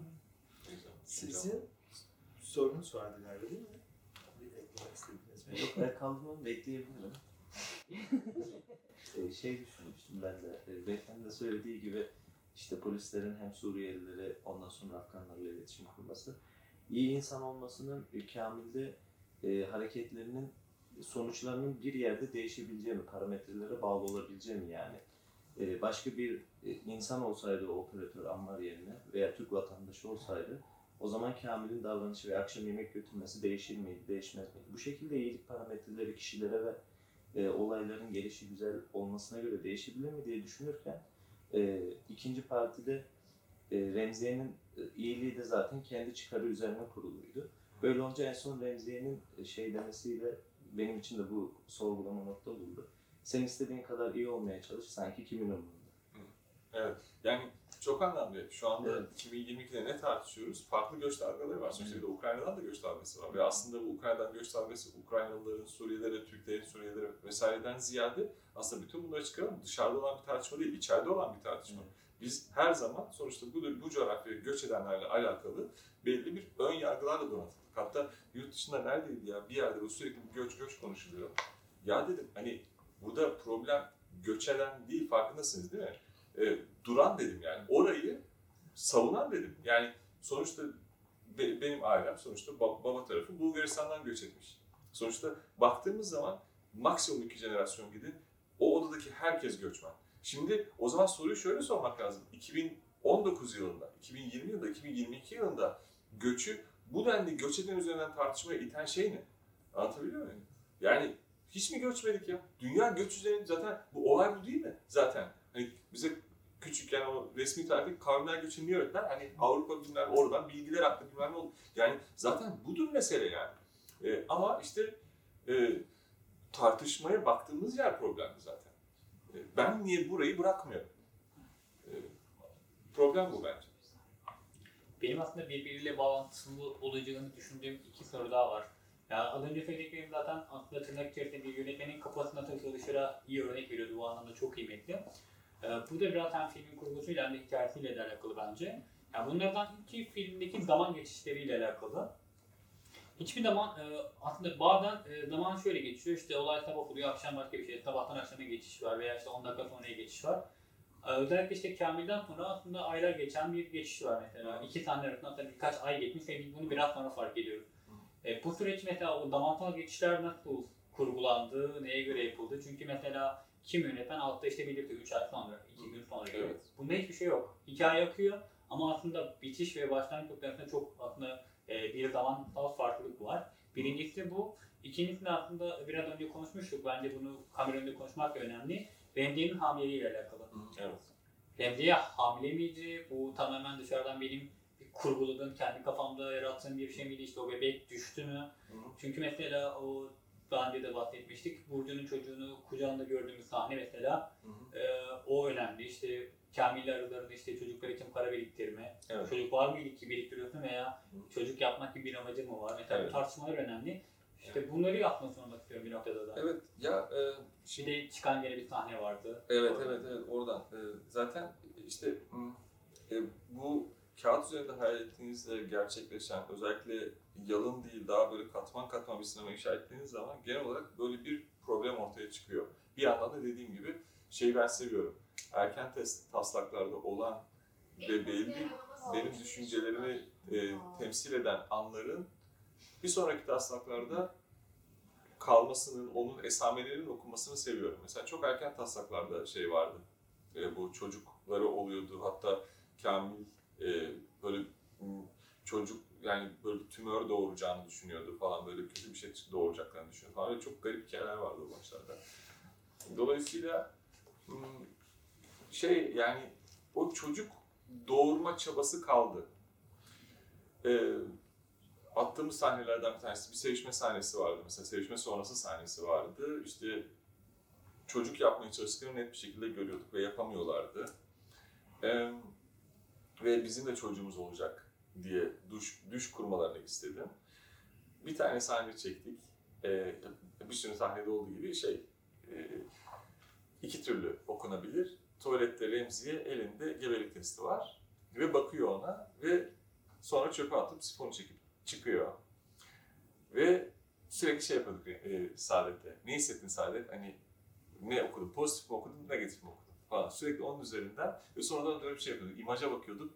Pozitif mi, negatif mi? Sonra diyorduk ki attı, attığına göre, korumadığına göre negatif falan. Sürekli bunları tartışıyorduk. Ve aynen böyle korudum. Bir sürü versiyonu vardı onun.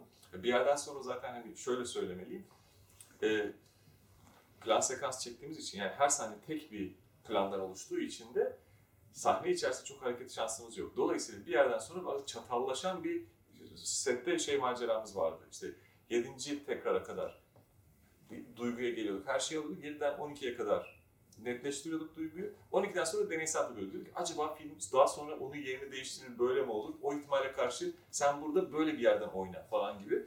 Bir sürü puzzle gibi elimize materyallerle çıktık zaten. Onlardan bir tanesi de buydu. Koyacak mıyım, koyacak mıyım bilmiyorum ama Remziye'nin hamileliği tartışmasını koymak istiyorum. Sonra koyduk. Bir arkadaşa izlet, izlettirdim. Ve arkadaş o kadar hani şiddetle şey savundu ki zaten hamile, onun zaten yapması lazım falan. Hani böyle hani falan o ayrı. Dedim ki sonra bu, benim ihtiyacım olan bir tartışma değil dedim mesela. Ve onu attım ama tabii ki esamesi var yani film içerisinde. O dürtü de var. Yani en azından izleyici şunu düşündüğünü biliyorum ikinci yarıda. Ya bu kadın hamilesi ya da e, Remziye o çocuğa bakarken işte hamile olma ihtimali mi var? Ya da artık kocamı bulamayacağım ve benim çocuğum olamayacak diye bakıyor. Zaten kendi de o karmaşık duygular içerisinde. Ya da mesela şöyle geri sarayım. Şey sahnesi, çok konuşuyor olabilir lütfen kesin. Şey, e, mesela şey bulacak. Hmm. Parayı, parayı, Torbayı. şey bulacak. Açıyor, bakıyor. E, parası yerinde. Ama yeri değiştiği için anlıyor parasının alındığını. Ve o sahneyi çekiyoruz. O sahnede de şey yani artık e, Erol setten gitmiş. Biz ikinci kısmında sadece Remziye'yi çekiyoruz. Ve yaklaşık olarak böyle bir çok da iyi anlaştılar sette. Ama böyle 5-6 gün geçti. Erol'suz setteyiz artık yani Kamil oldu. Ve aldı baktı yani Saadet ağlıyor falan gözleri doluyor. Ya işte Erol gitti çünkü çok da iyi anlaşıyorlardı falan. Ve diyor şey, aklımdan geçen duygularla mücadele edemiyorum Ali diyor. Diyor ki açıyorum bakıyorum olan paramızı birim almaya çalıştı. Sonra bakıyorum paranın yeri, şekli değişmiş. Demek ki bu paraya biri dokunmuş. Acaba Kamil mi dokundu?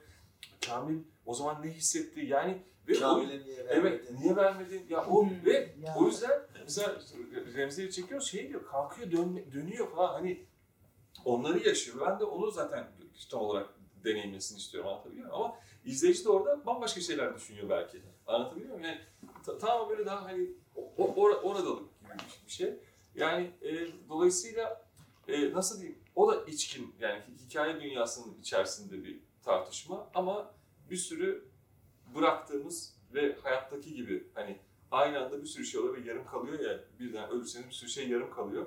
Onun gibi o da kalsın istedim açıkçası. Yani cidden hani bunu iyi yani sineması olarak doğru olarak tartışmıyorum. Benim sinemam böyle bunu kabul ettim yani çok katmanlı ve izleyiciyi böyle zorlayan bir sinema. İkinci izleyişinde başka bir şey anlayacaksın. Üçte başka bir şey anlayacaksın. Öyle bir sinema ne yazık ki. Ama benim yani böyle bir sinema ihtiyacım varsa, ki. e, ihtiyacı varsa dünyada hani ya, filmler yapmaya devam ederim yani. Ne yazık ki iyi ki yapalım.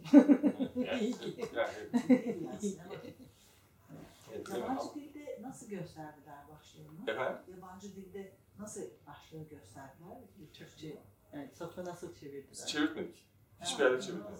Ya biz direkt zaten hatta şey çevrilemeyeceğinden dolayı bir de hani şey onu bayağı tartıştık ve saf bir de hani akılda kalıcı bir kelime ya saf diye koruduk. Ve zaten genel olarak da mesela yurt dışına gitmişsiniz bir şey var. Mesela yanınıza bir moderatör geliyor şimdi ne soracağım falan iz, filmi orada izliyor ne soracağım. Ben de bir saf ne, ne, niye saf diye soruyorum. Öyle başta sonra gider diyorum. Zaten izleyiciler de zaten onu soruyorlardı. Saf neden saf dedin? Sonra başlıyorduk. Evet. Türk olduğunu diyeceğim. Bütün konotasyonları çok şeyiz, hakimiz tabii ki. Ee, ve oradan başlıyorduk. Sonra zaten muhabbet e, açılıyordu açıkçası. Hiç çevirme gereği duymadık. Evet. Şimdi yeni projeni de istersen Evet. Evet, yeni proje şöyle. Sü- sürecinden bahsedeyim. E, Zaten artık nasıl düşündüğümü çok daha rahat anlayacaksın. Şimdi ben Saf'ın şey, e, artık yapım sonrası montajındayız vesaire uğraşıyoruz. Bir gün evde babamla oturuyorum. Babam durup dururken bana şeyden bahsetti. Ali dedi ya gazetede bir haber okudum. Bir baba kanserli çocuğunu suratından vurup öldürmüş. Aa falan hani. E, tabii ben şey hani sonra babam detaylarını anlattı falan. Ben bir anda diyorum ya inanılmaz bir hikaye. İmaj olarak çok güçlü. Niye suratından vurup öldürürsün? İşte kanserli çocuğun falan. Sonra bir anda diyorum ki "Ulan babam niye bana çocuğunu suratından vurup öldürmeyi anlatıyor? ben sürekli bunu soruyorum yani e, kendime. Sonra o bende kaldı. Sonra tam filmi bitirmeye yakın yeni projeler vesaire düşünürken bir gün dedim ki ya bunu bir bakayım ya bu hikaye neymiş falan. Sonra baktım ki avukat bu hikaye, gerçi o vaka şöyle 19 yaşında bir çocuk kanser hastası ve öleceği kesin ve aile aile çözüm bulamıyor. Çok da para kaybetmişler bu süreçte. Ve çocuk da şey diyor, ya iyileştirin ya öldürün çünkü acısını dindiremiyorlar. Sürekli evde feryat figan bağırıyor, öldürün beni, öldürün beni. Baba da bir gün eve geliyor, alıyor silahını, suratından vurup öldürüyor çocuğu. Ee, ve ben yani empati var işin içerisinde, bir yandan yılmışlık var. Hani o çok karışık bir duygu hali, muhteşem. Tam benlik yani. Bir yandan da avukatının daha sonra bunu Türkiye'nin modern hukuk sisteminin ilk ötenazi vakası olarak sunduğunu öğrendim. Baba çocuğun ölümünü istiyor, vermedikleri için kendi öldürüyor. Tabii ki hukuk sistemimiz bunu yemiyor. Hapiste yani adam tabii ki. Ve bu bana çok ilginç geldi. Bir yandan hani çok hani kişisel bir yerden e, yani ölüm karşısında o çaresizliği çok iyi anlatıyor. Bir yandan da bunun müthiş bir şeyi var. Yani ölme, ölme hakkı, yani beden üzerinde bir hakla alakalı bir tartışması var. Ve bunu hani böyle bir coğrafyada tartışmak var. Ve sonra bir yandan bu baba oğul hikayesi aslında bir yandan bir kurban hikayesi. Yani bu hani var ya hani üç büyük din- dinde var bu. Dolayısıyla bir yandan da o da bana direkt olarak hani dediğim gibi bu kişisel katman, sosyal katman ve mitik katman olarak bir yandan bende şey yandı. Evet dedim, burada benim için bir şey var. Aynen şeyde olduğu gibi, safta olduğu gibi. Tabii süreç içerisinde bu hikaye oldukça evrildi. Yani e, çok değişti e, şu aşamada ama ben de zaten onu çok tercih ediyorum. Burada benim ilgimi çeken bir şey var. Ne olduğunu bilmiyorum ve oraya doğru kendimi bırakıyorum. Ya, tabii ki çok zor oldu. Çünkü hem ölümle alakalı bir hikayenin peşinden koşuyoruz. Hem Covid bastırdı falan. Hani bir yandan da şeyi düşünüyor yapımcı. Yani biz ölümle alakalı bir filmi nasıl satacağız? Hani Covid'den sonra falan. Hani çok karanlık bir hikaye yani. Neyse ben diyorum ki o kadar karanlık değil falan. Çok karanlık ama neyse. Ee, şey e, bir yandan da diyorum ki ama diyorum bak Selin diyorum. e, bizim için ta- ölüm tamamen stigma. Yani her zaman olmuyor gibi hayat kurduk ya modern dünya öyle bir şey ölmeyecekmişiz gibi hayatı kuruyoruz. O yüzden mesela genç ölüm hayatı durduruyor ya birden 25 yaşında birisini 27 yaşında birisini öldürün diyoruz ve hayat duruyor falan. Sanki öl, yani biz ölmeyecekmişiz gibi. Diyorum ki bak ilk defa diyorum bütün dünya olarak hepimiz aynı anda ölüm tartışıyoruz. Ölmenin bu kadar uzak bir şey olmadığını tartışıyoruz. Burada diyorum ki burada heyecan verici bir şey var. Bunun üzerine gidelim. Ama o dehlizlerde bir yandan da tabii annemin kanser, kanseri oldu, annemin kanseriyle uğraşıyoruz falan. Hani bir sürü o üzerine geldi falan bir sürü ka- karışık mesele neyse. Ee, ama devam ettik yani. İşte bayağı hani ilginç bir noktaydı. Tabii ben sanal gerçeklik çalıştığım için daha sonra sanal gerçeklikte ölümsüzlük haliyle de ilgili bir tartışma geldi.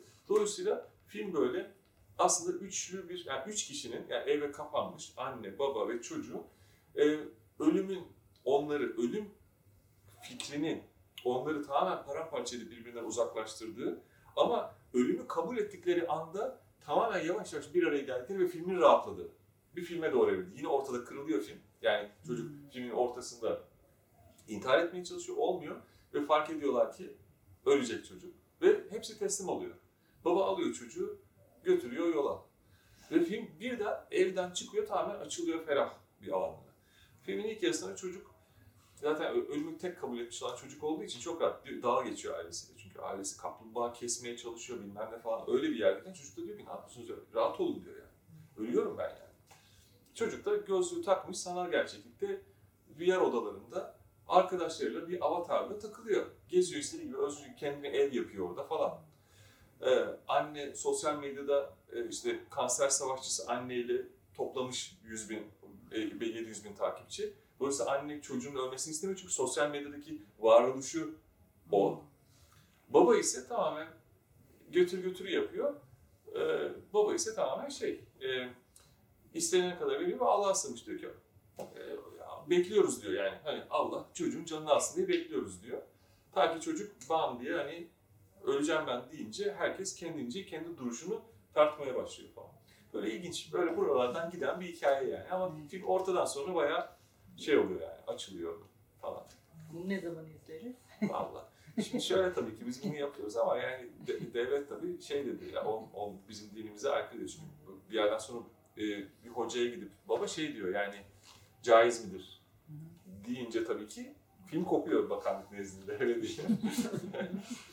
İlk başta red aldı. Sonra bu sene şey e, yeni kurul falan şey oldu yani destek aldık. Dolayısıyla yurt dışındaki ortaklar hızlıca kendi fonlarına başvurmaya başladılar. Yani yıldızlar sıralanırsa diyelim ki yıldızların sıralanmaya başlama ihtimalini şöyle fark ettim. Geçenlerde bir toplantı yaptık işte bir yurt dışından bir yapımcıyla ve şey dedi Ali dedi şu anda bütün Avrupa ötenizi tartışıyor dedi.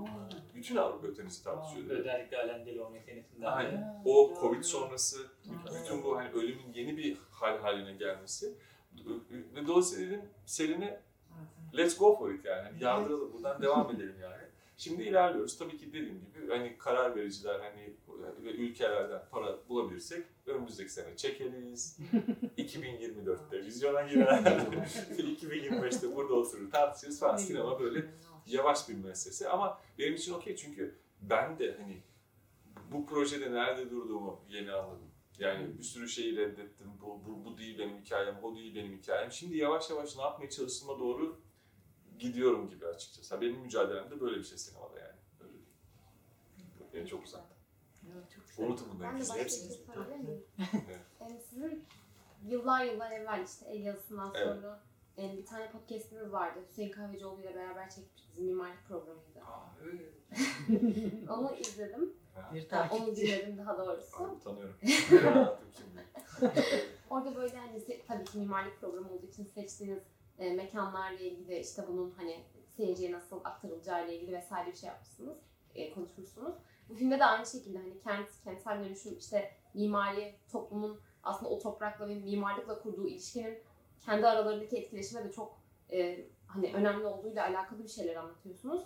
Ya aslında bunun sebebini merak etmek istiyorum. Mimarlık aslında biraz da bahsettiğiniz tasarım e, temelli olduğunuz için eğitiminiz. Hı hı. Ben de Evet, bu alanda çalışmayı düşünüyorum da. Evet, evet. O yüzden sizin sinemanız ilgimi çok çekiyor. Yani e, şöyle, şöyle, yani biz üniversitede ok- okuduğumuz şey bizim lanetimizdir. Yani üniversitede çünkü yani oraya kadar hasbelkader geliyoruz ve orada sonuçta bir şekilde sınav sistemi sonucunda bir yere iniyoruz. Ben tasarım şansa yani kısaca şöyle anlatayım. Ben sinemacı olacağımı biliyordum. E, diyordum ki ama fen matematik seçmişim. Bilgisayar mühendisliğine gireyim. Bilgisayardan işte animasyon yapayım, animasyonla sinema yapayım falan. Böyle bir yani çocukça bir fikirle bilgisayar mühendisliğine girelim. Bilgisayar mühendisliğine giremeyeceğimi de biliyorum. O kadar çalışkan olmadığımı da biliyorum. Diyor ki kimyaya girelim, Boğaziçi kimyaya. Oradan geçiş yaparım falan diye. Böyle bak. Çocuk aklımda böyle düşünmüşüm. Sonra altı yanlış altı yanlış yaparsan Boğaziçi kimyaya girerim diye düşünüyordum. Altı yanlış altı yanlış yaptım. Sonra ama bir de o zaman okul puanı diye bir şey vardı. Okulacak biz batırdık. Ee, öyle olunca ben de dedim ki yani olmazsa alta İTÜ makine yazayım dedim. Sonra bir gün evde yatağı toplarken televizyon açık. Televizyonda Nigan Bayezid, İTÜ Endüstriyel Tasarım bölüm kurucusu anlatıyor bölümü. Abi ne kadar güzel bir bölümmüş. Ben İTÜ makinenin üzerine bunu yazayım. Çat oraya girdim. Ve benim sonuçta lanetimde o. Ya ben sonuçta mental model, düşünüşüm yani orada şekillendi. Yani ben felsefe okusaydım başka bir sinemam olurdu. Fotoğraf okusam, sinema okusam başka bir yerden bakardım. Dolayısıyla bunlar aslında nasıl diyeyim orada biz sinemada mesela şey deriz, second nature, doğanızın bir parçası deriz. Mesela bir oyuncu karakter, yani düşün, insan biz normal gerçek hayatta düşünmeden davranırız ya bir sürü şeyimiz, otomatik motor şeyleri. Oyuncular da onu bir yerden sonra çok çalışırlar ve o otomatik olarak second nature gibi gelsin diye. Şimdi benim de aslında tasarım bir yerden sonra doğamın bir parçası. Yani istemeden dediğim çatal bıçak ilişkisinde olduğu gibi hayatı çatal bıçak üzerinden üretiyorum. Coğrafya ile ilişkimiz üzerinden üretiyorum. Anlatabiliyor muyum? Yani tabii ki Nuri Bilge'nin coğrafya ile kurduğu ilişki bambaşka. Benimki de bambaşka. Yani dolayısıyla bu benim lanetim açıkçası. Ee, ama gayet mutluyum bundan açıkçası. Yani. O zaman bunu olsaydı ne olacaktı acaba? Korkuyorum. Ama işte sonuçta o zaman bambaşka bir insan. Mesela Wong Kar Wai var mesela çok sevgili Wong Kar Wai yani müthiş bir yönetmen yani e, Ölürüz sinemasına e, tekstil okumuş ve filmlerine görüyorsunuz ya da Nuri Bilge fotoğraf okumuş. Görüyorsunuz. Yani. O Evet. hissederdik biz onu. Çağ. Gerçeği. Aynen. Dolayısıyla şey. Bir şey. Evet ben de e, o Elias'ın da e, dijital plat- platformlarda da bulamadım. İnternet üzerinden de Ha, bulamadım. evet. Nereden bulabiliriz? Nereden Şöyle. Onu da gösterelim. Ee, bu şey döneminde, sonbahar döneminde de böyle bir toplantı Elias'ın yapıyoruz. malum şekillerde bulunabiliyordur diye tahmin ediyorum. Ama şey şöyle diyelim. E, e, galiba iki, iki platformla anlaştık tekrar Elias için. E, Blue TV ile tekrar anlaştık galiba. Bir de Turkcell TV mi? Öyle bir şey var. Onu da anlaştık tekrar. Dolayısıyla yakında e, Elias'ın tekrar sirkülasyona girecek. E, şeyin ilk turu bitti. E, Saf'ın Blue TV'deydi. Saf bitti. Şimdi kim bu filmi izlemek ister? O yüzden herhalde bir süre daha o film platformlarda bulunmaz. Ben de çok okeyim açıkçası olmamasına. Çünkü olmasının problemli olduğunu düşünmeye başladım. Kolay erişmenin problemli olduğunu düşünmeye başladım açıkçası. Dolayısıyla olmasın yani. Böyle buluşalım. Benim için daha anlamlı. Buluşalım, açıkçası. eski filmimizi izleyelim. Onda çok utanabilirim. Yani Hiçbir şey gibi. Yani çok iyi anlayacaksınız bu referansı eski, eski şiir defterlerini bulmak kadar korkutucu bir şey bunlar. Yani çünkü benim için dediğim gibi 2000, ben 2012'de yazmaya başladığımız bir şeyi hal, hala anlatıyorum size. Ee, ve yani 2012'de çektiğim bir şeyi yani şu anda hani geçenlerde böyle neydi ya bir, bir yer DCP yani şey, şey bir projeksiyon için DCP'sini istedi. Evdeki bilgisayarlarda da DCP'yi aynı hızda oynatamıyorsunuz. Play'e bastım. Onda bir yavaş oynuyor. Ve filmin e, altyazısı var mı diye kontrol etmek istiyorum ya. İlk altyazısına gelene kadar böyle 4 dakikası falan var. Ben 4 dakikayı böyle ya 15 dakika falan izlemem gerekiyor ve dayanamıyorum böyle, katlanamıyorum yani öyle bir şey. Şimdi safta tam o şey noktasındayız böyle hani bir, bir sahnesini bile görmek istemediğim bir noktaya doğru gidiyorum açıkçası. E, dolayısıyla benim için eski şiir defterleri gibi. Onu da şöyle anlatıyorum aslında. Dışkılamak gibi olduğunu düşünüyorum. Bir iyi bir şey. Çünkü o sıra kendinize bir şeye teslim ediyorsunuz ya. Yiyorsunuz, yiyorsunuz, yiyorsunuz. Size kalanlar oluyor. Bir de dışkılıyorsunuz. Dışkı sinemada dışkıladığınız bir şey oluyor aslında. Yani, Bizim izlediğimiz o mu ya? yani, şey. yani sonra mesela, yani sonra kim bunu dedi ya? Ali bu referansı çok kullanma dedi ya. İnanmaya başlasın. Bu sonra evet ya bunu az kullanmaz ama galiba benim için içinde öyle bir şey ya. Kokuyor ya. yani e, o yüzden hani eski şiir defteri belki daha romantik bir iş. Yani, şey, yani bak, okumak istemiyorum ya. Artık böyle hani ilkokul falan vardır ya. E, dolayısıyla e, Elias'ı biraz daha uzak olduğu için çok utanabilirim ama konuştum ya öyle abartmayayım da. E, o da o da benim o dönemin yani gezi öncesi romantik hani ülkeyle kurduğunuz ilişkinin bambaşka olduğu, izleyiciyle kurduğunuz, hayatla kurduğunuz ilişkinin bambaşka olduğu bir döneme dair bir film öyle değil. Bu da işte Yeni Şey Ötenezi filmi de o da işte Birlikte Yalnız ismi şu anda öyle diyeyim. Bir arada yalnız e, filmin arada ismi. E, e, değişebilir tabii ki. E, o da tamamen şu dönemdeki ruh halimi e, anlatıyor mesela yani öyle diyeyim. Saf'ın önceki ismi neydi? Efendim? Saf'ın önceki ismi neydi? Saf molozdu yani mesela. Yani, yani çok bambaşka bir şeydi. Ee, Ha, mol, bak moloz, enkaz vardı. Moloz'du sonra bir proje moloz diye bakanlar başlıyor dedim moloz olmaz artık. Enkaz'dı. Ee, yabancı ismi dörttü, direkt topraktı. Ee, sonra hepsi geride kaldı. Bu şey yeni projenin ismi Agoni'ydi. Ee, Agoni odalarından gelen Agoni'ydi. Baktık ki Agoni ben artık öleceğim zaten acıdan. Agoni olmasın. Ee, sonra değiştirdik onu. Ee, şey ne yaptık bakayım. Ee, e, ne yaptık? Hold the line yani da, tahmini bekleme süreniz yaptık. Bu telefon konuşması vardı çünkü şey, e, Hattan ayrılmayın. hattan ayrılma şey çünkü şey e, alo fetva hattını arıyordu da böyle şey baba. e, tahmini bekleme Var süreniz ya olarak kalıyordu. Sonra onu da e, dedik ki "Ah, sürekli tahmini bekleme süreniz diyoruz filmi ama biz hala agoniyi kullanıyoruz. Demek ki bu direkt akılda kalmıyor. Sonra bir arada yalnızda e, kaldık. O da işte bu şey e, Covid döneminde sanal gerçeklikte böyle çeşitli toplantılar yapıldı bir arada yalnız diye. Çeşitli buluşmalar oradan. Çünkü tam sanal gerçeklik oluyor o ya. Bir aradasınız ama tamamen yalnızsınız. O da çünkü karakterlerde üçü bir arada ve çok yalnızlar yani. Oradan hani öyle bir şey var. Bakalım bu kalırsa böyle devam edeceğiz yani. Ama hala yapımcım agoni diyor, ben demiyorum. Böyle değil mi? Böyle işler. Ay çok. Çok teşekkürler. Benim Çok için de yani şey çok çok sağ olun. Benim için. Benim için de çok keyifli oldu. Tekrar. Herkese çok teşekkürler.